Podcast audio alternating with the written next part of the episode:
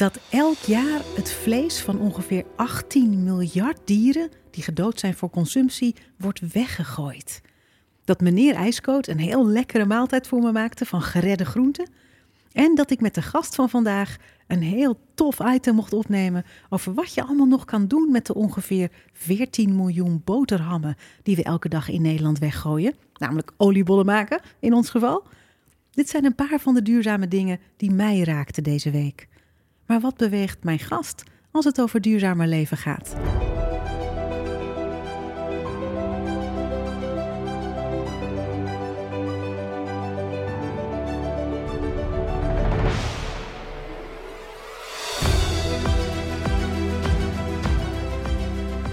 Welkom bij Dit is een goede podcast voor een duurzamer leven. Wat goed dat je luistert.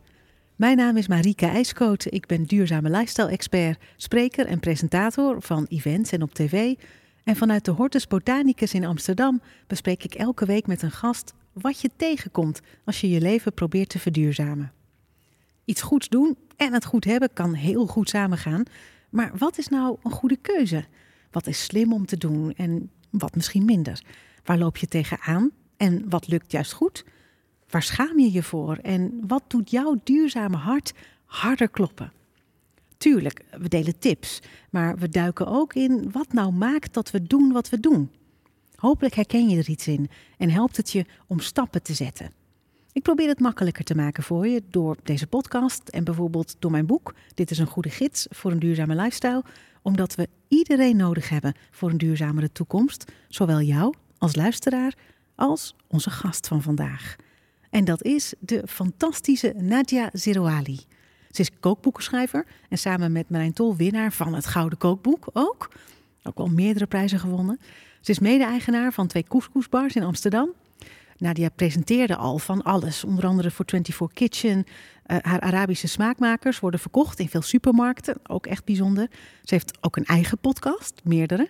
En misschien wel het belangrijkste, in ieder geval voor mij in dit rijtje, ze is mijn collega-vriendin eigenlijk, bij Binnenste Buiten, waar ze heerlijke vegetarische en plantaardige gerechten maakt van bijzondere ingrediënten. Ze is ook zelf heel bijzonder, vind ik. Nadia, wat goed dat je er bent. Oh, lief. Welkom. Dankjewel. Ja, Super. ik voel me ook heel erg welkom in het prachtige Hortus. Nou, hoe is het om hier te zijn in de Hortus zo na sluitingstijd? Nou, ik, ik voelde me een beetje alsof ik stiekem iets aan het doen was wat niet mocht. Dat je stiekem door een poortje gaat in de verboden tuin. Nou, dat gevoel. Maar ook wel heel indrukwekkend als je dan zo klein zit naast die hele grote bomen en planten. Ja, er staat hier, we hadden het er net eventjes over toen uh, Nadia binnenkwam. Er staat hier een Ravenala madagascariensis. Dat is een, een reizigersboom. Die Prachtig. is gigantisch. Dus Ja. als je nu aan het luisteren bent, je kunt ook naar ons kijken op YouTube. Eh, en op socials laten we hier ook wat van zien. Eh, die reizigersboom die heet reizigersboom omdat die op plekken stond waar reizigers konden verdwalen. En in de oksels, dus waar de bladeren samenkomen, daar eh, verzamelt hij water. En dan eh, daar, daar konden reizigers op overleven. Een mooi verhaal over eh, Prachtig. deze plant, ja. Ehm, Nadia, wij leerden elkaar al een, een paar jaar geleden kennen omdat we allebei duurzame dingen doen. Hè? Dus ik presenteer bijvoorbeeld events. Jij spreekt op events en je geeft kookdemo's. En je doet nou ja, van allerlei dingen die te maken hebben met het, eh, eigenlijk het, het vertellen van het verhaal van een, van een betere wereld. Maar dan op het gebied van eten Ja. voornamelijk. Ehm, wat heel leuk is, is ik presenteer een evenement waar jij een kookdemonstratie gaf. En toen hadden we het heel leuk samen. Dat weet ik echt nog heel goed. Eh, ik dacht ook, deze persoon die wil ik graag vaker spreken. En ik wil meer van haar leren. En eh, ehm, ja, zo hebben we eigenlijk contact gehouden sinds die tijd. Zo ben ik ook bij Binnenste Buiten gekomen. Omdat ik jou kende. allemaal, dus maar- dat is ja, heel, heel fijn en een heel mooi soort van herinnering. Je, misschien herkennen luisteraars dat wel. Dat je zo iemand tegenkomt waarvan je denkt, ja, Ja, we zouden elkaar misschien in een ander leven niet hebben, eh, onze paden zouden dan niet hebben gekruist. Maar eh, door onze zoektocht naar een duurzamer, beter leven, Ja. eh, hebben we elkaar getroffen. is toch fantastisch als je daarover nadenkt eigenlijk. het is een ongelofelijke bonus van je hiermee bezighouden. Ja, Ja, ja Dat je kunt het zomaar hele mooie mensen ontmoeten. ja gelukt. Ja. Ja, en mensen die eh, heel mooie en goede dingen proberen te doen, maar soms ook heus wel eens worstelen. Oh Ergens. ja, ik Over wist worstelingen gesproken. en wij beginnen elke aflevering met de worsteling van de week. Uh, iets dat je misschien niet zo duurzaam deed, of iets wat je wel heel duurzaam deed, maar waar je, nou ja, niet zo blij van werd, mogelijk. Um, jij eerst. Nou, misschien de, de, de grootste olifant maar direct benoemen. Ik was eigenlijk al bijna, ik zeg 98% plantaardig aan het eten. Dus niet vegetarisch, maar echt 98% plantaardig. En toen kwam ik echt vet in de overgang. Ja, ja, en toen sloopte stiekem weer wat vlees in. En maar had je behoefte, heb je behoefte aan vlees? Dat is wat het is. Echt behoefte aan. Gewoon echt letterlijk behoefte aan. Mijn lijf was zo van slag, en nog steeds eigenlijk. Um, en ik had echt zoiets van, ja, maar ik trek dit gewoon. Ik moet gewoon echt, er, moet wat vlees in, er moet ijzer in. Ik weet niet zo goed, nog steeds niet wat het precies is. Maar ik geloof heel erg dat je lichaam heel goed zelf kan aangeven waar het behoefte aan heeft en wat het niet wil.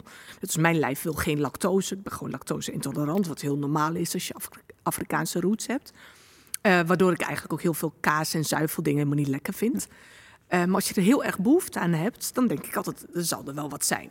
Nou, dat is zo bij mij. Mijn, dus mijn plantaardige reis is echt een stuk minder plantaardig geworden, helaas. En hoe uitte zich dat deze week? Had je iets specifieks wat er gebeurde? Of is dit ook gewoon iets wat je bezighoudt, waardoor je ermee worstelt? Ja, nee, dit is niet specifiek van deze week. Nee, het is gewoon meer van deze periode. van deze tijd. Ja. En um, wat voor consequenties zijn daar dan in jouw leven? Want je eet meer vlees dan je deed. Op welke manier, welke keuzes maak je hierin? Nou, op zich eet ik zeg maar buiten. Uh, dus als ik uh, aan het werk ben of buiten ben, de stad inga, wat, dan eet ik eigenlijk nooit vlees. Dus als ik het al eet, is het thuis. En thuis is het halal vlees. En eitjes van onze eigen kippen. Ja. Dus het, kijk, als ik nu mijn eigen schaapjes en koetjes had gehad, dan had ik het echt nog meer oké gevonden dat ik het deed. Maar ook daar, ik heb van de zomer een heel mooi gesprek gehad met Imke de Boer. Die ken je waarschijnlijk zelf ik ook wel, heel maar goed. voor wie ja, voor luistert? Ja, zij is uh, ja, hoogleraar, denk ik, Wageningen. En uh, zij heeft ook ooit in mijn schoenen gestaan. Dat ze zei vegetariër en uh, af en toe vlees. En als het goed vlees is en zelf geslacht, dan kan het wel. Maar ze zegt eigenlijk kan het niet. Kan het niet? Eigenlijk kan het en gewoon En waarom niet. zei ze dat? Uh, omdat ze zelf ook die zoektocht of zelf dat pad ook had gelopen. En zeg ja, ja, op een gegeven moment hou je jezelf gewoon een beetje voor de gek dat je dat moreel kan verantwoorden. Dat je wel vlees eet, omdat het zogenaamd goed gaat. En waarom vond ze dat het eigenlijk niet kon? Eh, omdat wie maakt dat wij mensen beter zijn dan dieren? Ja. ja, en ik zeg dan altijd, ja, wij mensen zijn ook gewoon dieren. En binnen de dierenorde eet de ene keer de een en de ander, de ander. Maar wij als mens, dat telt gewoon niet. We, we, we sjoemelen. Als we gewone dieren waren geweest, dan, dan was het een eerlijke speelveld. en het maar dat is het nu niet. Dat is het gewoon niet. Dus het, het blijft als je zeg maar de, met jezelf op door gaat denken, dan heb je eigenlijk niet echt heel veel excuses. Nog los van de impact natuurlijk op het milieu qua Hè, het verbouwen van de soja. Alles, die, alles bij elkaar. Het, Als voer wat de Amazone wegkapt, uh, de methaanuitstoot, uh, transport. Nou ja, alles. Zo, uh, ja, je kunt een heel rijtje nee, opnoemen. Ik, ja, ik, ik stop en daar, maar... ja, nee, nee, maar ik bedoel meer, dat is... En, en daarin vind ik het dan ook zo bijzonder dat ik denk... Oh, ik weet zo goed hoe ik plantaardig heel lekker kan koken. En ook eigenlijk echt volwaardige maaltijden waarin je niks mist in umami of in knapperig of in lekker vettig. Of, ik kan gewoon echt, kan ik over mezelf zeggen, plantaardig koken waarin je niks vleesigs mist. Nee. En dan toch zelf denken van, nou, ik, ik spuit elke week een spuit B12 in mijn lijf. Dus je zou denken, nou, daarvoor heb je het niet nodig, want ik heb gewoon een chronisch opnameprobleem. Ja. Uh, ik weet hoe ik dat klaar kan maken. Moreel vind ik het eigenlijk niet te verantwoorden. En toch heb ik er echt zin in. En doe je het ook? Want er is nog een verschil tussen er echt zin in hebben en toch ook het in je mond steken. Ja, ja, ja. Nee, ik bedoel, als ik dan eenmaal besloten heb dat ik het eet. Ik heb nog nooit een hap genomen waarvan ik denk, dit wil ik niet, want dan zou ik het niet doen. Nee. Dus dat is sterker. Ja, dat is dan sterker. Ik kan me voorstellen dat dit echt een worsteling is waar je bijna niet uitkomt. In ja, nou ja, ik hoop, eh, zoals ik ooit wel de beslissing heb eh, genomen om echt wel plantaardig te eten. En dat was eigenlijk goed gelukt. Dus zou dat ook wel weer een keer terugkomen. Hoe, weet ik nog niet. Maar daar vertrouw ik dan maar op. Ik heb aan onze volgers en luisteraars gevraagd of ze een vraag voor jou hebben. En de vraag van Raoul, die heeft hier ook wel heel erg mee te maken. Dus laten we daar gewoon direct even naar gaan luisteren. Oké. Hoi Nadia, denk jij dat plantaardig eten snel de norm zal worden? En zou je daar dan zelf ook makkelijk aan meedoen? Oh, ik ben bang dat ik hierin een heel depressief antwoord heb.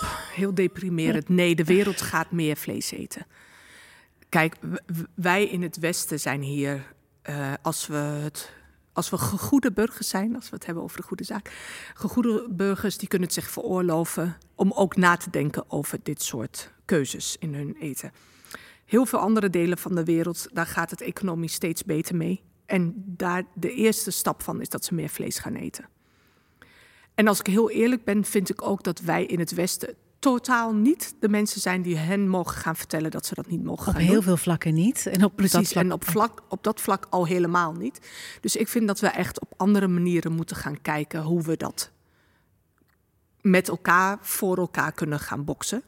En aan wat voor manieren denk je? Wij zullen dan in ieder geval onze verantwoordelijkheid moeten nemen en veel minder vlees of geen?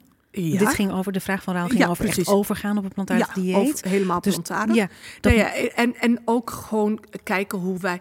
Wat ik ooit begrepen heb van een vriendin die in Ghana zit. Dat ik zei van uh, dat ik zo'n allergie had als mensen zeiden fonio, het nieuwe quinoa. quinoa. Okay. En dat ik dan zei van uh, dat wordt al eeuwen dus eeuwen oud en het wordt daar gewoon al gegeten. En dan gaan wij dat even weer toe-eigenen, hip maken en weer onbetaalbaar voor de lokale mensen. En toen zei zij heel sterk, ze zei, ja, maar pas als het in het Westen uh, als hip en trendy en goed en gezond wordt en lekker wordt gezien, dan pas gaan de uh, uh, originele eters ervan het ook weer op waarde weten te schatten. Toen dacht ik, oh, oh. wauw. Dus zo'n heftige invloed hebben wij op wat zelfs mensen ver van ons eten. Dus en ook dus daarin op het, op hetgene wat van hen is eigenlijk, wat origineel van hen. Ja. Want dat maakt onze verantwoordelijkheid nog, veel groter. Ja, ja dus nog los dat we dat moeten laten merken, zien, proeven, waarderen. Uh, nou, mogen we ook, vind ik, niet andere mensen hun habitat aantasten en andere dieren hun habitat aantasten voor ons eten. Dat doen we nu nog steeds massaal. Het feit dat die soja daar aangeplant wordt, is voor ons, niet voor hen. Nee en, en ook, weet je, als zij vlees gaan eten, weegt het nog niet op tegen wat wij met onze industrieën en onze auto's en onze vliegtuigen doen. Dus het is ook een beetje, ik denk de rest van de wereld plantaardig, zullen we maar gewoon eerst hier beginnen. Ja, dus eh, het antwoord op de vraag is dus inderdaad dat, dat wij eigenlijk dat hier vooral zouden moeten doen. Ja, en dat ik bang ben dat het nog niet zo snel plantaardig gaat worden wereldwijd, omdat het eerste wat mensen gaan doen als ze meer geld verdienen, is meer vlees eten. Ja. Als je verder gaat in die redenering over dat wij dingen dan hip, ik maak van die ja. Oh, quotation marks, hoe noem je dat? Eh, als wij hier in het Westen, aanhalingstekens, dankjewel, als wij dat hier in het Westen adopteren en het, en het, het wordt in en zo dat dat dan de wereld overgaat. Dus hopelijk zou dat dan dus ook zo werken, hè? dat wij dat hier dan wel gaan doen uh, en dat dan, hè, dan kunnen we het in ieder geval voor iets goeds aanwenden. Precies. Die mega invloed die we hebben ja, interessant. Maar tegelijkertijd heb ik ook wel zoiets van, als je ziet de wereld door bijvoorbeeld social media, die emancipeert ook. Ik kan me ook voorstellen dat ze in andere werelddelen denken van ja, die gekke mensen daar met hun uh, obesitas, ondervoeding terwijl ze te dik zijn en uh, uh, hart- en vaatklachten, zeg maar, die echt goed te relateren zijn aan ons dieet. Dat ze denken, nou, dat pad ga ik niet bewandelen. Dat gaan we even niet doen. Dat gaan we niet doen. Nee. Maar als dat vanuit hen zelf komt, ja, helemaal, goed. Alsjeblieft, leer van ons ja. op deze manier. Ja, dat maar niet andersom. maar niet andersom. Nee, en wat we tot nu toe best wel vaak gedaan hebben natuurlijk, is andersom. Oh, we zijn hier minder gaan roken, dan gaan onze uh, sigaar- of nicotine-industrie gaat dan daar naartoe en het daar, mensen daar nog verslaafder maken. Krijg dus, kippenvel ja. van dit. Uh, allemaal, ja, precies. We duiken er meteen al diep in. Ik heb eigenlijk ook allerlei van dit soort vragen. Hier komen we echt nog wel een beetje op terug. Ook denk ik onze invloed op de wereld en uh, waar onze ingrediënten allemaal vandaan komen en hoe we ons gedragen en zo. Zeker beloofd. Voor als je luistert en denkt, meer hiervan, dat komt. Um, zal ik de worsteling nog even afmaken. Voordat we al direct op allerlei andere plekken zijn. Ik heb er ook één deze week. En die was met jou. Um, ik eet plantaardig. Ik ben ook een. aan het begin van de overgang zeker weten. Wie weet wat er dus nog gaat gebeuren. Ehm, ik heb nog nooit in mijn leven zin gehad in vlees. Dus als dat dan nu zou komen, dan is dat echt een totale nou ja, omverwerping van mijn zijn. Maar ik ga het meemaken. Ehm, ik voel het begin, ik ben absoluut in, in een stadium van de, van de overgang ook. Ehm, ik eet plantaardig en nou, daar heb ik over het algemeen echt nul moeite mee. Precies wat jij net zei, hè? alle smaken zijn er. Uh, je kunt het ontzettend lekker maken. Ik heb ook veel nieuwe dingen ontdekt. Uh, er zijn steeds meer alternatieven. Ik heb nul te klagen daarover, echt niet. En toch had ik deze week daar een worsteling mee. Want ik heb de laatste tijd zo'n zin in krentenbollen. maar dan een beetje van die.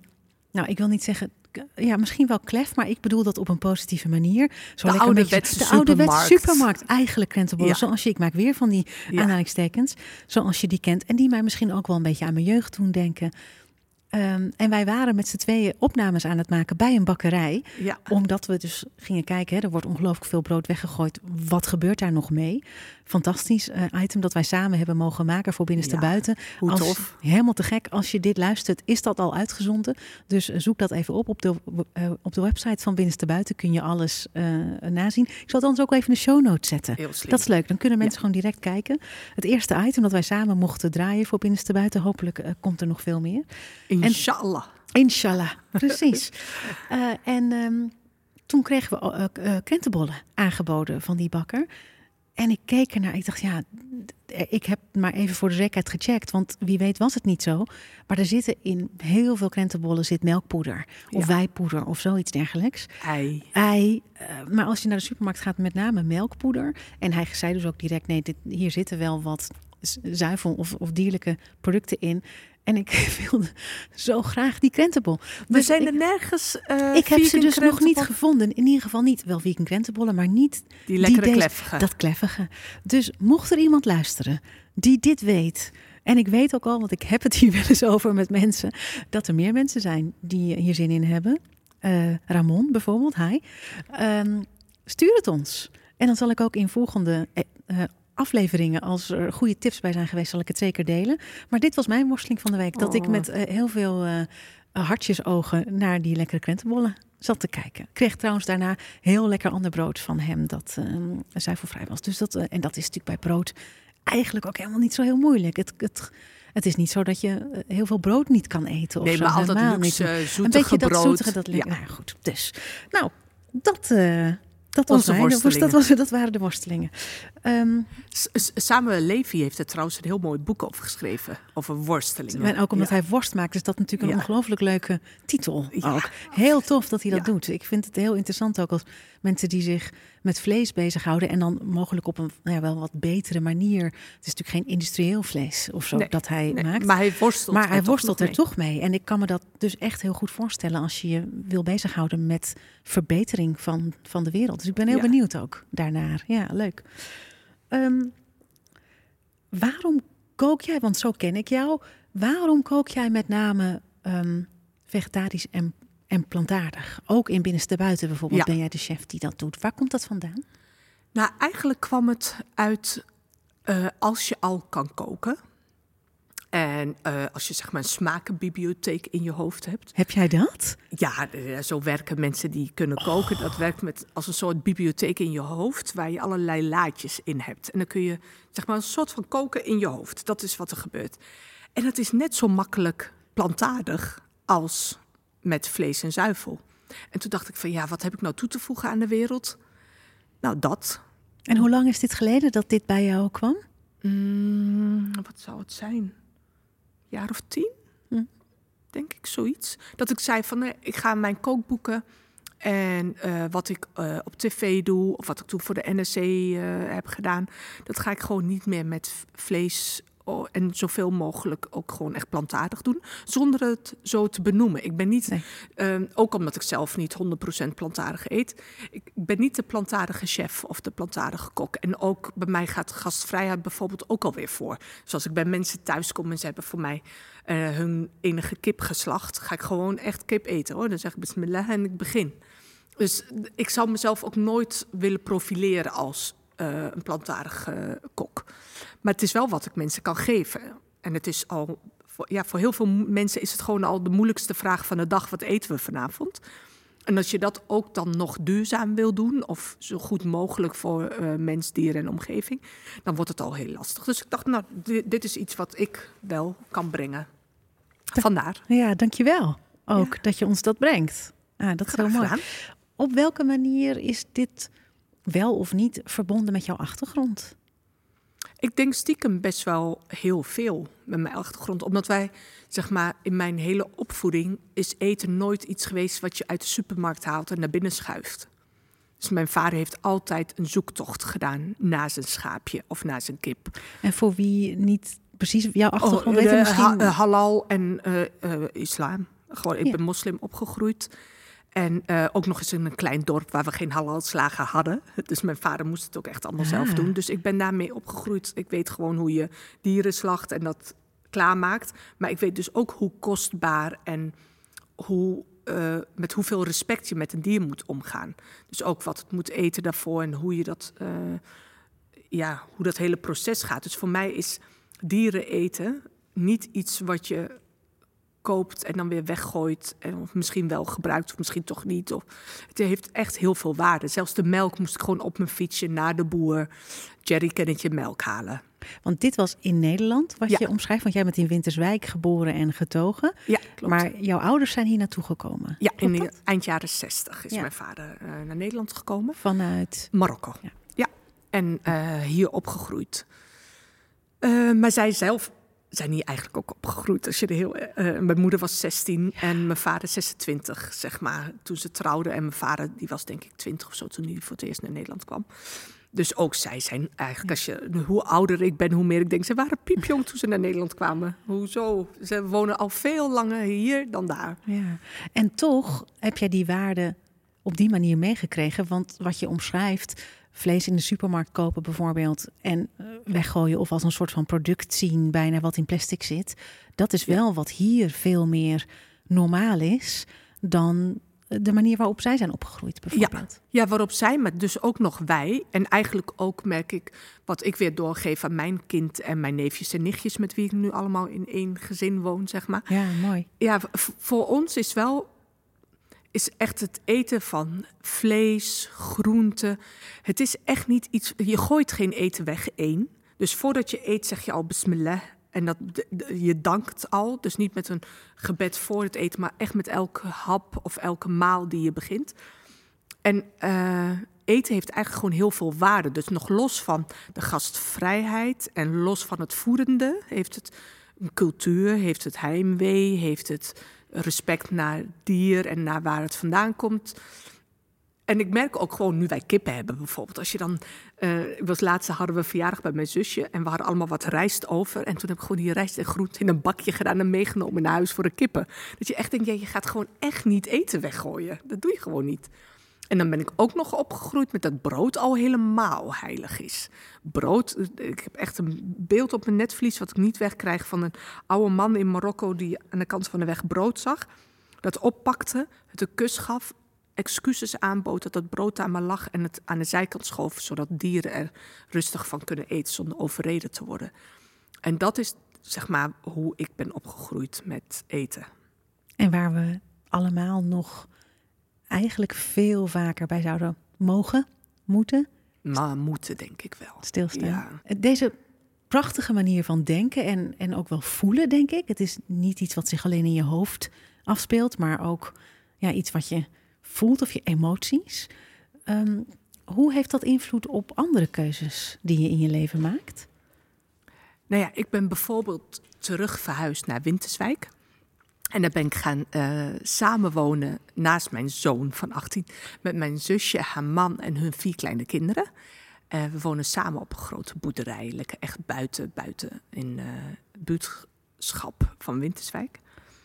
En dat brengt dan direct met zich mee dat ik dus weer veel vaker in een auto zit. Onderweg naar werk. En dan heb ik mijn oude auto, die best wel vaak, uh, echt stond ik gewoon mee stil langs de snelweg, ingeruild voor een nieuwere hybride auto. En dat klinkt dan alsof dat een duurzamere, betere keuze is, maar het is gewoon niet zo.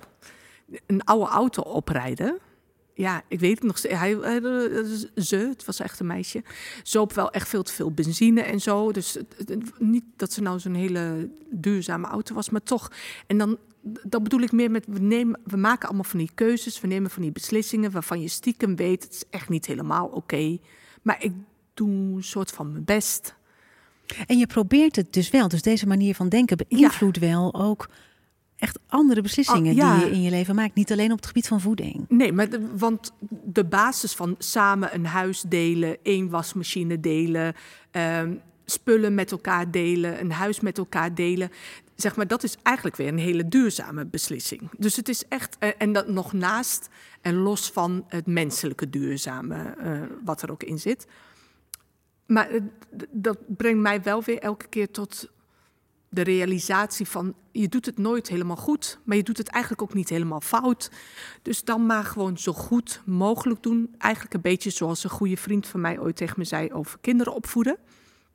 Uh, we moeten niet proberen het zo goed mogelijk te doen, maar zo min mogelijk fouten te maken. Want we hebben het nooit eerder geleefd. We hebben het nog nooit eerder gedaan. Dus dan uh, alleen maar jezelf uh, op je hoofd slaan van, oh, dit doe ik fout en dit doe ik slecht. Nou, dan leef je niet lekker. Maar gewoon zo min mogelijk fouten. En zo min, als je het eenmaal realiseert, het is niet oké. misschien wel um, beter ten halve gekeerd en ten hele gedwaald. Ja, weet je, zo'n paar van die. En met dat soort mildheid naar jezelf en je omgeving blijven kijken. Dat maakt het wel allemaal wat draaglijker. Want het wordt er ook niet leuker van als je jezelf maar constant uh, voor je kop slaat. Inderdaad, op deze manier is het ook vol te houden. En hoe meer je het volhoudt, hoe meer stappen je zet en hoe meer impact je dus uiteindelijk maakt. Ja. Dus dat werkt ook nog eens echt heel goed. Ik vind het mooi dat je met die mildheid naar jezelf kan kijken. Ik denk echt dat dat heel goed is. Tegelijkertijd ken ik jou ook als een behoorlijk uitgesproken iemand. Ja, je kijkt daar ook meteen heel, blij mee. Ja, jij bent maatschappelijk. zwart. Ja, jij bent maatschappelijk zeker heel uitgesproken.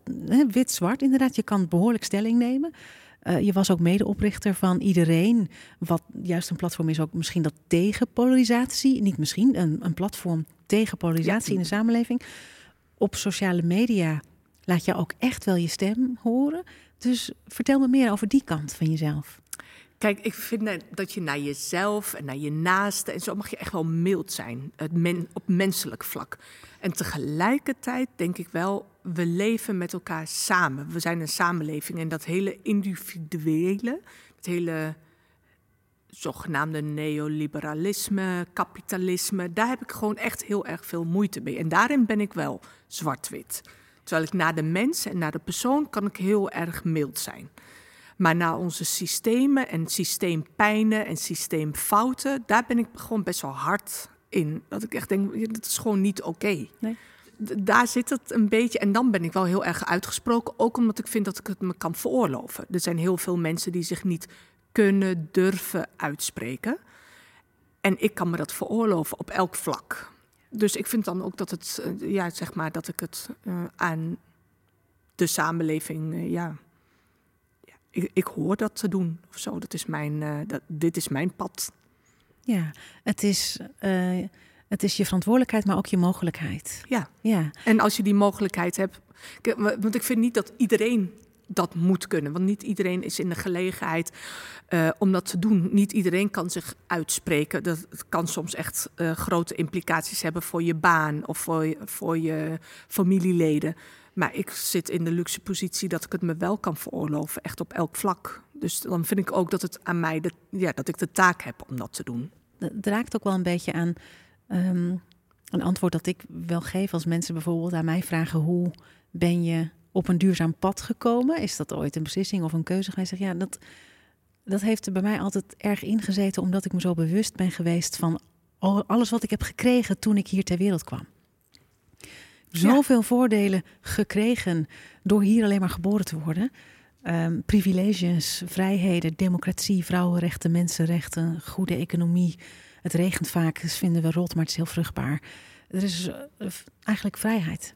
Heb ik gewoon gekregen, heb ik in dit leven niets voor gedaan, in elk geval. En dus heb ik er ook niet meer recht op dan iemand anders. En dus heb ik altijd heel erg het gevoel gehad dat ik alles wat ik heb gekregen eigenlijk moet inzetten om het wat eerlijker te maken. En zeker ook eh, te strijden voor alles en iedereen wat dat niet heeft. Precies. Ja, als ik ergens anders was geboren op de wereld, had mijn leven er mogelijk heel anders uitgezien. Had ik dit niet kunnen doen. Dus dat raakt me wel Ja. als je dat zegt. Ja, en ook dat het niet, het is niet een recht voor jou om dat te hebben.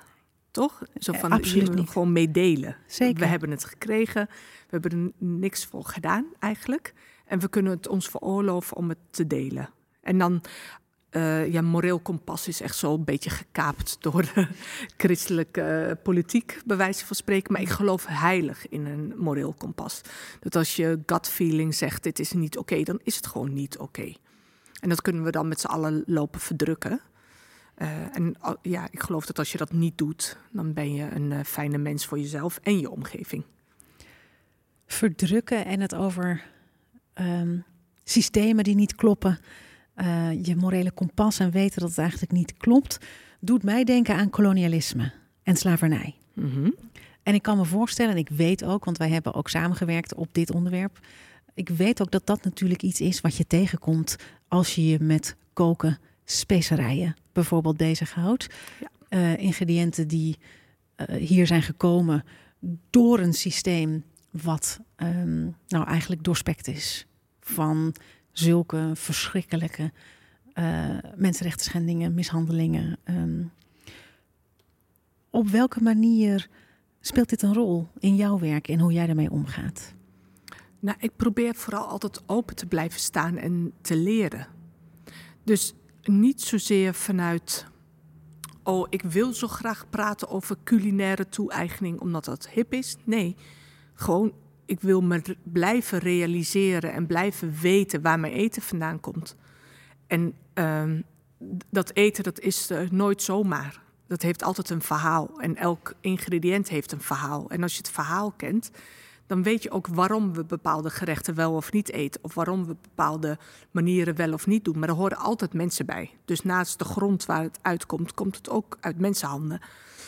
En ik vind mijn leven alleen maar verrijkt worden en mooier worden als ik die verhalen ken.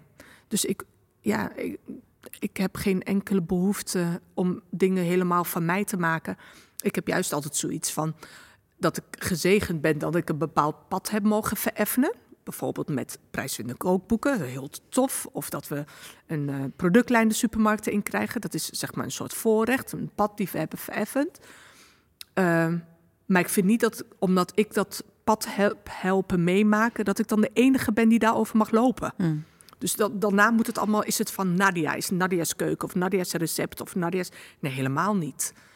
En tegelijkertijd profiteer ik er natuurlijk gigantisch van. Dus het is niet zo dat ik er niks uithaal. Natuurlijk haal je er wat uit voor jezelf.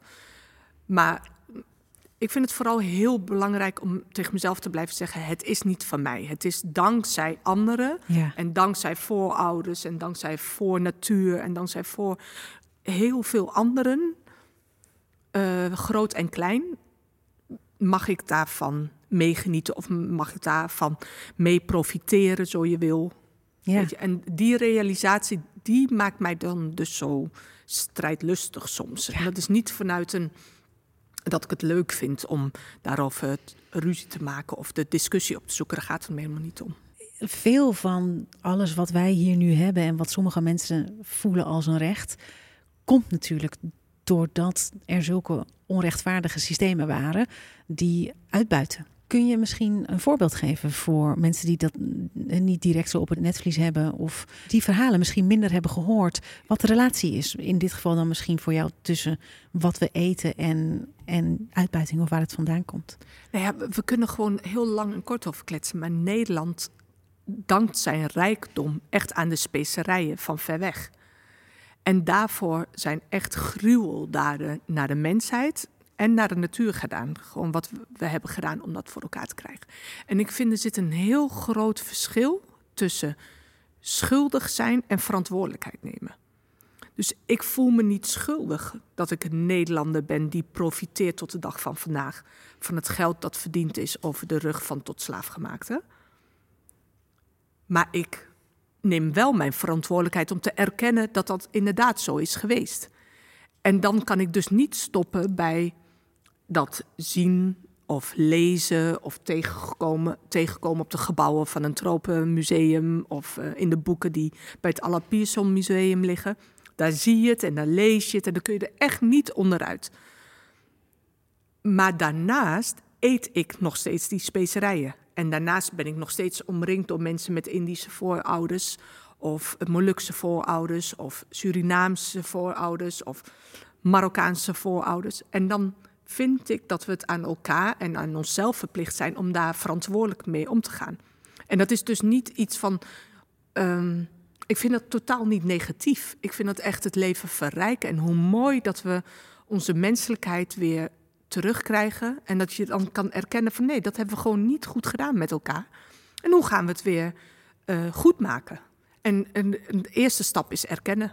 Hoe doe jij dat, je verantwoordelijkheid nemen? En ik wil daar eigenlijk ook direct bij vragen: hoe kan iemand die luistert dat in jouw ogen doen? Nou, uh, kijk, over specerijen bijvoorbeeld. Ik kan me geen keuken voorstellen of eten voorstellen zonder peper en specerijen. Nou, er zijn, als je je erin wil verdiepen, specerijmerken die echt fantastische specerijen leveren. Die echt rechtstreeks van een boer afkomen, van een kleine plantage waar de boer de juiste uh, ja, op waarde wordt geschat en gewoon een eerlijke prijs krijgt. Daar ben ik zelf met Nadia Marijn Soek helaas nog niet. Alleen wij zijn wel in de supermarkten. En eigenlijk in alle supermarkten van Nederland en België zo ongeveer nu te koop. Dus wat wij hebben gedaan is een klein stapje in de goede richting. Welke stap is dat? Goede specerijen leveren zonder rotzooi, zonder gifstoffen, zonder uh, zout en andere opvulmiddelen, ja. wat in heel veel specerijen wordt gedaan. Ook goed om je te realiseren hè, dat dit gebeurt. Precies, en kleine bakjes waardoor je niet specerijen weggooit omdat ze geen smaak meer hebben. Een receptuur geven waardoor je die specerijen op waarde kan schatten en ermee uh, de keuken in kan. En achter de schermen zijn we heel erg bezig met onze leveranciers en onze producenten om te zorgen dat we het zo goed mogelijk gaan doen. Steeds beter en beter. Ook daarin ben ik weer een soort mild van naar mezelf. Het is heel moeilijk om mensen van die gewend zijn om voor 1 euro een specerijenmix te kopen om die zover te krijgen dat ze specerijen mix kopen van 15 euro. Het is gewoon moeilijk. En ik denk dan, dan ben ik al dankbaar dat ik iemand mag zijn die het verhaal kan vertellen en die mensen kan meenemen in dat traject. En misschien hebben we over binnen nu en een paar jaartjes, is mijn hoop, wel die goede specerijen in de supermarkten voor iedereen te kopen en niet alleen voor de lucky few. Ja, en kunnen we ook de vraag zo aanwakkeren en de manier van produceren zo veranderen dat het ook wat meer naar elkaar toe komt in prijs? Precies, wat we met eh, koffie hebben gedaan, wat we met thee hebben gedaan, wat we met chocola hebben gedaan. Ja. Maar ik ben dat zelf nog niet. Weet je, dus ons eigen merk is daar echt nog niet. Wij zijn gewoon nog, zeg maar, onder de grote, uh, niet zo goed doende merken. Maar binnen dat hele gebeuren doen we het goed. Ja. Maar er zijn merken die zijn echt honderd keer beter. En die eer ik ook. En die vind ik echt fantastisch dat zij er zijn. En dan... Zullen we ze in de show notes zetten? En misschien delen op socials, ja, weet je zo. Dat, ja, dat we, ja, absoluut. projecten als The Good Spice. En er zijn natuurlijk een aantal mensen supergoed ja, bezig. Gewoon dus... Nederland, in Nederland en buiten Nederland. We hebben mooie merken die alleen maar specifieke Molukse specerijen doen. The Good Spice. Je hebt uh, buitenlandse merken die het ook echt heel goed doen. Dus uh, maar wat ik dan heel mooi vind en waarin ik me echt vereerd voel dat ik het werk doe wat ik doe, waar wij elkaar ook van kennen, um, van verduurzaming binnen het voedselsysteem, dat je dat soort mensen ontmoet, mee in gesprek gaan en die ook dan direct ervan kan leren. Dus uh, mij is het gegeven om de poorten naar de supermarkten te openen. Dat lukt niet bij alle andere specerijenmerken. En dan van die andere dames en heren weer te leren hoe we het dan beter kunnen gaan doen met elkaar. En wie weet je... krijg je ze uiteindelijk ook wel mee door die poorten. Hè? Want Precies. die heb je dan geopend. Ja. En dat is ook de opening naar het gesprek met de supermarkten. Precies. En natuurlijk ook mogelijk een soort van slipstream ja, dat is gewoon. Want uh, ik heb, als ik zou gaan wachten totdat ik alles perfect kan gaan doen, dan is het een beetje zoals met mijn eetpatroon, of met mijn auto, of met mijn huissituatie.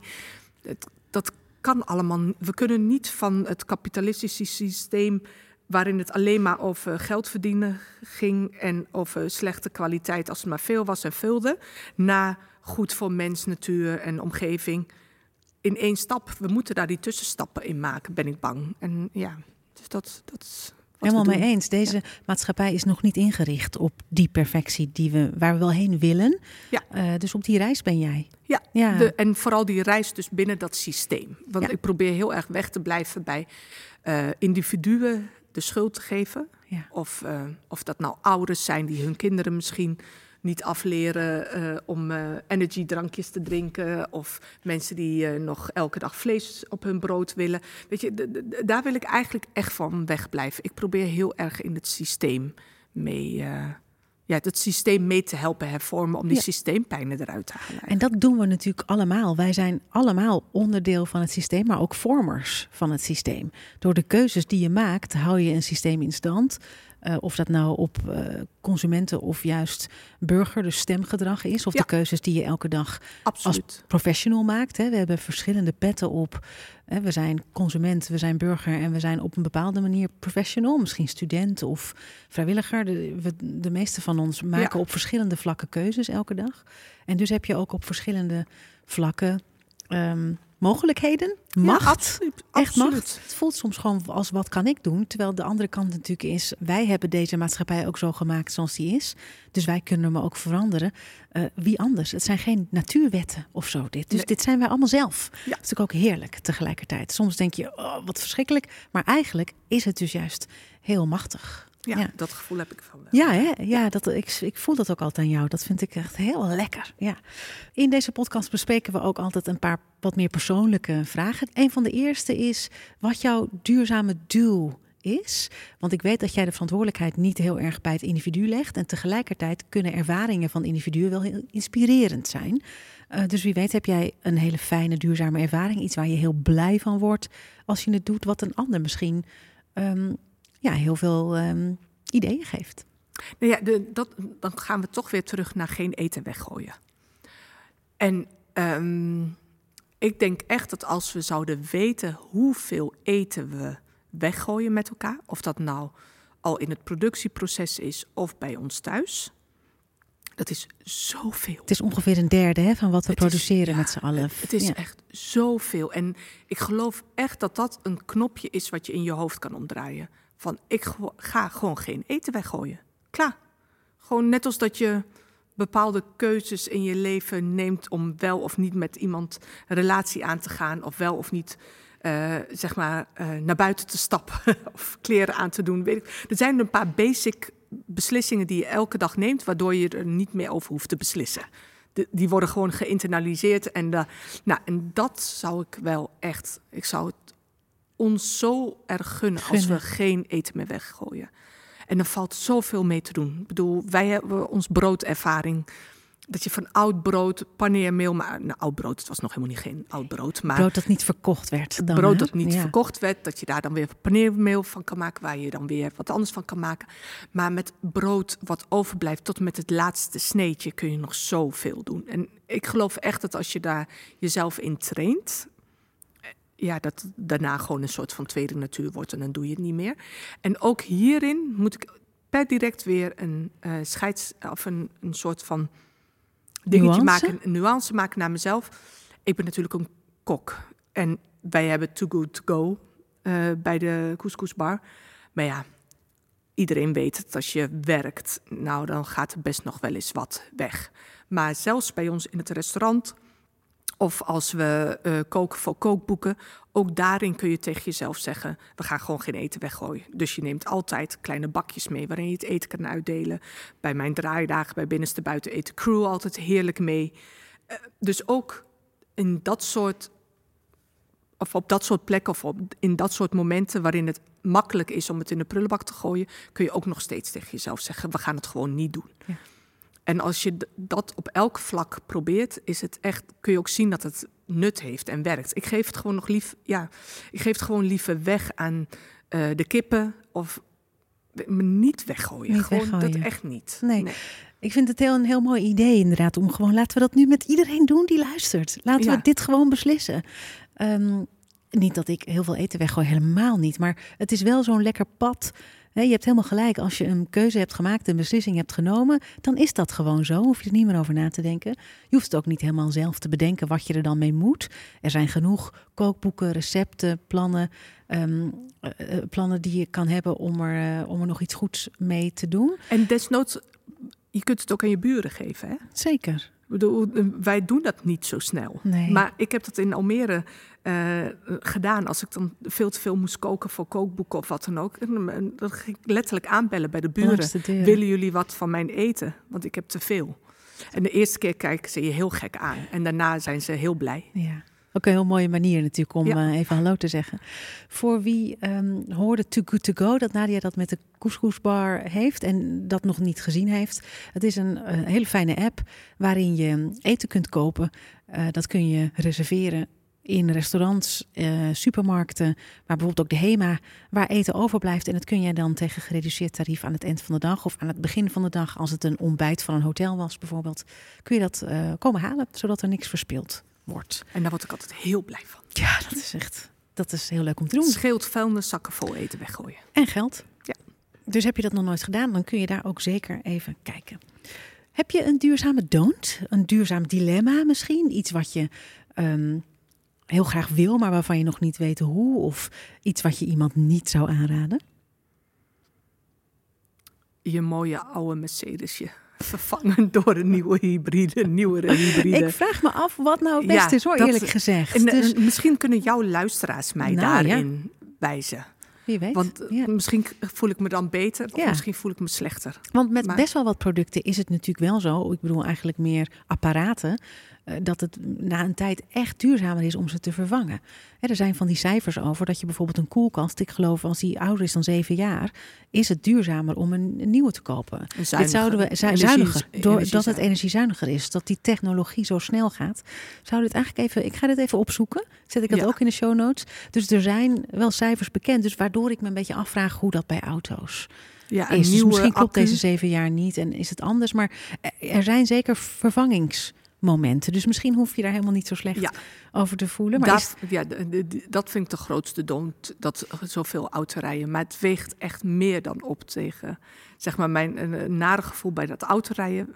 Ja, dat wordt volledig gecompenseerd als ik dan in Winterswijk uit mijn raampje kijk en een klein hertje in de wei zie Ja, dat uitzicht van jou is ja. ook wel, nou ja. Ja, en dan mag ik mijn nichtje in een kinderwagen stoppen en dan voor twee uur gaan spijbelen. en wandelen. Ja. Oh, ik ben bij Nadia langs geweest. Ik heb uh, mogen ervaren hoe dit leven is. Ik kan me heel goed voorstellen dat het voor jou tegen veel opweegt. En tegelijkertijd, ik rij geen auto. Ik heb geen rijbewijs zelfs. Ik heb dat gekozen toen ik 18 was. Ik mocht mijn rijbewijs halen, maar ik dacht, ik ga dat niet doen. Want ik denk dat ik dan zo iemand word die gewoon dat vaker doet dan nodig is. Laat ik het zo zeggen. Um, dus ik doe alles met openbaar vervoer. Ik heb natuurlijk soms ook wel eens een auto nodig om te verhuizen of grote dingen. Of uh, ja, dan moet ik hulp vragen van mensen. En dan bak ik een, een heel lekkere taart voor ze. Of ik kan weer iets anders, hè, ja. wat zij dan niet uh, kunnen. Dus ik kan me deze worsteling goed voorstellen, omdat ik denk dat ik hem ook zou hebben. En dat dacht ik dus ook al bijna 30 jaar geleden, dat, oh. ik, dat ik dat dan dus zou gaan doen. Dat nee, ik, 30 jaar geleden dacht ik alleen maar hoe snel haal ik mijn rijbewijs. Ja, precies. ja, grappig hè? Hoe dat anders kan zijn. Ik dacht, nee, dat moet ik echt niet doen. Dat gaat niet goed komen. Nee, ik wilde echt mijn rijbewijs halen, want we zouden die zomer naar Marokko gaan. En oh, ik baalde ze stekken, want ik was de eerste keer gezakt. Oh, en ik denk nog steeds dat hij me heeft laten zakken, omdat hij wist dat ik anders wilde rijden naar Marokko. Kijk. Want de, de tweede keer dat ik geslaagd ben, heb ik zoveel slechter gereden dan de eerste keer. Maar ja, ja. Ik hou ontzettend van roadtrips. Iedereen die luistert en mij mee wil nemen op een roadtrip, ik, ik kan goed navigeren, uh, best een beetje zingen. Ik maak heel lekkere snacks. Oh, Misschien, um, ja. nou ja, goed. We gaan door, voordat ik mezelf zit uit te nodigen allemaal bij mensen op, uh, op roadtrips. Um, heb jij een duurzame drive?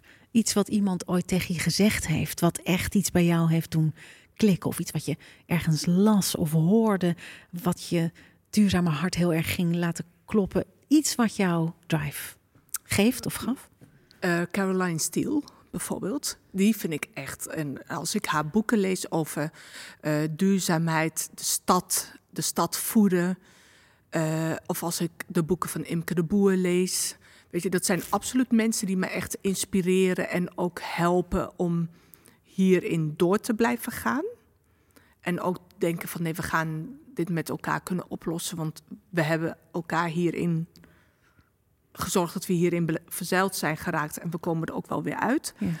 Uh, in hoeverre zij mij dagelijks drive geven, dat weet ik niet. Maar het zijn absoluut wel een soort van motivatoren. Zoals zeg maar uh, Claudia Roden, de kookboekenschrijfster, mij echt inspireerde om kookboeken te gaan schrijven. En deze, dit pad in te slaan, zijn dit wel de andere vrouwen die, uh, ja, door wie ik geïnspireerd blijf. Maar daarnaast zijn er zoveel, Altijd zoveel mensen noemt, met wie ik... Ja, je anderen ook niet, hè? Ik, dat voel ik hoor, dat, dat, oh, dat vind ik ook altijd zo lastig. Ja, er zijn echt gewoon heel veel, vooral vrouwen merk ik, met wie ik werk...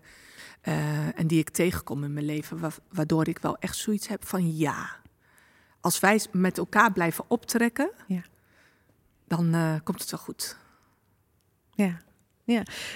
En, en wat komt er dan goed? In die zin heb je een duurzame droom, iets um, wat je in de toekomst zeker nog wil gaan doen, of waarvan je graag wil dat het heen gaat. Iets waar je misschien heel trots op bent, wat je vaker gaat doen. Kan van alles zijn. Nou ja, uh, ik, waar ik voor ga, zeg maar wat mij drijft, is wel echt dat ik hoop dat de generaties na ons nog steeds ook kunnen leven. Ik weet niet of dat op deze manier moet. Ik weet niet of wij beter af zijn uh, door in zogenaamde luxe van deze tijd te leven. Maar um, als dat niet zo is, is het ook oké. Okay. Ja. Maar ik, zou, ik wil niet degene zijn die, eraan, uh, uh, die er nog meer aan bijdraagt dan dat we al doen. Misschien is dat wel het meest. Dat ik heel erg hoop dat we, dat we samen kunnen gaan leven. Dat ja. we wel lessen gaan leren uit de geschiedenis. En van waar we nu mee bezig zijn. Dat ik eigenlijk, we zijn nu omringd door al die mooie ramen. En ik ben echt opgegroeid met mijn moeder, die zeg maar uit het raam brood uitdeelde aan de kinderen in de buurt. En dat al die kinderen dan al, oh, mama Dila mag nog een stukje brood, mag nog een stukje brood. En dat het dus helemaal niet uitmaakte dat mijn moeder helemaal niet goed Nederlands sprak en een hoofddoek op had en de enige Marokkaanse moslima in de buurt was. Zij had heel lekker brood en dat bracht die hele buurt bijeen en samen. En dat, dat hoop ik eigenlijk. En dat dat dan, of dat dan met brood is en uit een raam in een wijk in Winterswijk, dat hoeft allemaal niet. Maar dat dat gevoel van dat we met elkaar voor elkaar, dat lijkt me wel, uh, ja, daar hoop ik op. Ik ook. Ik wil dat ook heel graag. Ja, ja dat brood wil je ook. Dat ook. maar ook voor het schetsen van dat beeld. Dat voelt toch wel als een, een, een, een pad om te gaan en, en je keuzes aan um, een beetje aan, aan te schrapen. Zo van, hè, zou, deze keuze die ik maak, draagt dat bij aan zo'n wereld of juist niet? Precies, en daarom is het voor mij altijd heel logisch wat ik allemaal doe. Dus voor anderen lijkt het, wat heeft het een nou te maken met het ander? Uh, en voor mij is eten de spil, dat wat ons mens maakt. Ja. Maar wat ons mens maakt of wat, wat wij zijn, is die samenleving. Mooi. Is dit ook de reden voor jou geweest om je met voeding te gaan bezighouden? Ja, ik denk het wel, maar echt terugkijkend, hè? nu als vrouw van 48, terugkijkend op dat kleine kind. Maar ik denk absoluut dat mij dat uh, getekend heeft. Dat ik gewoon letterlijk gezien heb wat eten doet en wat eten voor elkaar kan boksen. Ja. Ja, fantastisch. Ik wil nu ook in voeding. Nou, dat doe ik natuurlijk ook wel een, klein beetje, maar ja, toch. Um, prachtig. Het uh, doet me ook wel denken, want wij vragen onze gasten altijd om een vraag door te geven aan een volgende. Uh, jij hebt een vraag gekregen van acteur uh, Tekla Reuten. Oké, die, spannend. Ja, heel, die ook wel te maken heeft met dit soort keuzes. Van okay. wat doe je dan wel en niet en wat draagt bij. Dus we, gaan, we luisteren even naar Tekla. Ja, Nadia. Um, uh, ik vind je een inspirerend mens, een aanstekelijk mens. En uh, ik weet een beetje uh, wat je doet. En ik was heel erg benieuwd hoe jij, en dat is omdat ik me dus in mijn eigen vak dat ook afvraag, hoe jij omgaat met je eigen authentieke, nou ja, ik zou even, no pun intended, recept van wie je bent en waar je voor staat. En versus commercialiteit. Uh, hoe je daarmee omgaat, want dat, ik begrijp dat dat ook uh, deels nodig is, maar hoe doe je dat dan en waar, ja, waar ligt een grens of waar voelt dat ook misschien, net als in mijn vak, soms een beetje schimmig. Nou ja, daar ben ik heel nieuwsgierig naar. Echt super mooie vraag. Ja, hij, hij, het is inderdaad schimmig. Ehm, maar wat ik bijvoorbeeld probeer is dat ik ehm, voor de publieke omroep werk, niet voor de commerciële omroep. Ik werk voor kranten, maar niet echt voor commerciële opdrachtgevers. Maar daarnaast heb ik natuurlijk mijn eigen merk, wat zo commercieel is zoals de neten. Dus, maar daarin, in ons eigen merk of in mijn eigen couscousbar samen met Samira, kan ik wel mijn morele kompas leidend laten zijn in hoe ik dat zakelijke commerciële doe. Ja? ja, ik ben daar ik ben groot aandeelhouder of hoe noem je dat? We hebben vetorechten op bepaalde dingen waardoor het ook echt niet gebeurt wat wij niet willen. Dus ingrediënten uit bezette gebieden bijvoorbeeld komen er bij ons gewoon niet in. Als het nou goedkoop is of leuk of hip of wat dan ook, dat maakt helemaal niet uit. Het gaat gewoon niet gebeuren. En uh, ja, dus wat dat betreft zit ik in een soort van luxe positie dat ik ook binnen dat commerciële kan ik toch nog steeds wel mijn eigen keuzes maken. Dus ik word niet gestuurd door andere mensen. En dat maakt dat ik echt wel gewoon me heel goed voel en echt achter mijn zakelijke, ook commerciële uh, werk kan staan. Zelfs als dat dus inderdaad ook bijvoorbeeld onderdeel zijn van een hele grote supermarktketen. Ja, doordat ik met de grote systemen praat, uh, kan ik bijvoorbeeld wat ik leer als ondernemer doorgeven aan de jonge lui die ik train in programma's van Low Food. Um, waardoor ik hen het eerlijke verhaal achter ons voedselsysteem kan vertellen van binnenuit. Dus in plaats van dat ik daar een roze, roze kleurig verhaal op hang over hoe stoer het is om een productlijn te hebben bij een appie, vertel ik ze alles ja. over die trajecten. En dan denk ik, oké, dan is dat misschien mijn aandeel hierin. Ja, en dus je zit dus binnen in het systeem, waardoor je het daar ook kan veranderen. Zo zie jij dat? Hè? Letterlijk dat ik, wanneer er dus dingen gebeuren in dat traject waar ik op kom doordat ik een ondernemer ben, uh, ga ik daarna gewoon bij de CEO aankloppen en zeggen van, Luister. volgens mij hadden wij pas geleden een hele bijzondere avond met allemaal CEO's over net positief. En dat we met elkaar allemaal duurzamer willen doen. En nu flik je me dit kunstje. Want ze verwachten niet dat iemand met wie ze dat soort gesprekken hebben, met wie ze aan tafel zitten, dat die eigenlijk een, een van hun leveranciers is. Dit kost ook wel veel energie, denk ik, om op al die verschillende niveaus waarop je werkt en op al die verschillende plekken steeds dit aan te gaan. Of geeft het jou juist heel veel energie? Ja, het geeft me toch meer energie dan dat het me kost. Maar tegelijkertijd zo'n keuze om uh, in Winswijk te gaan wonen en het ook af en toe een beetje rust te willen, is wel echt omdat ik eigenlijk altijd overal waar ik kom, is er ook een soort strijd. Dus het is ook wel eens dat ik echt denk van, nou ja, moet het nou? Of het nou een bestuursrol is of een leverancier of een training. Of, het is altijd is daar. Ik kan nooit gewoon meegaan in een verhaal. Ik moet altijd weer alle kanten laten zien. De volgende gast, waarvan ik het fantastisch zou vinden als je er een vraag aan zou willen doorgeven, is uh, choreograaf en ook um, jurylid, uh, acteur zelfs, uh, Dan Carty. Oeh. Heb jij een vraag voor Dan? In English? In English would be nice, so he could understand your question.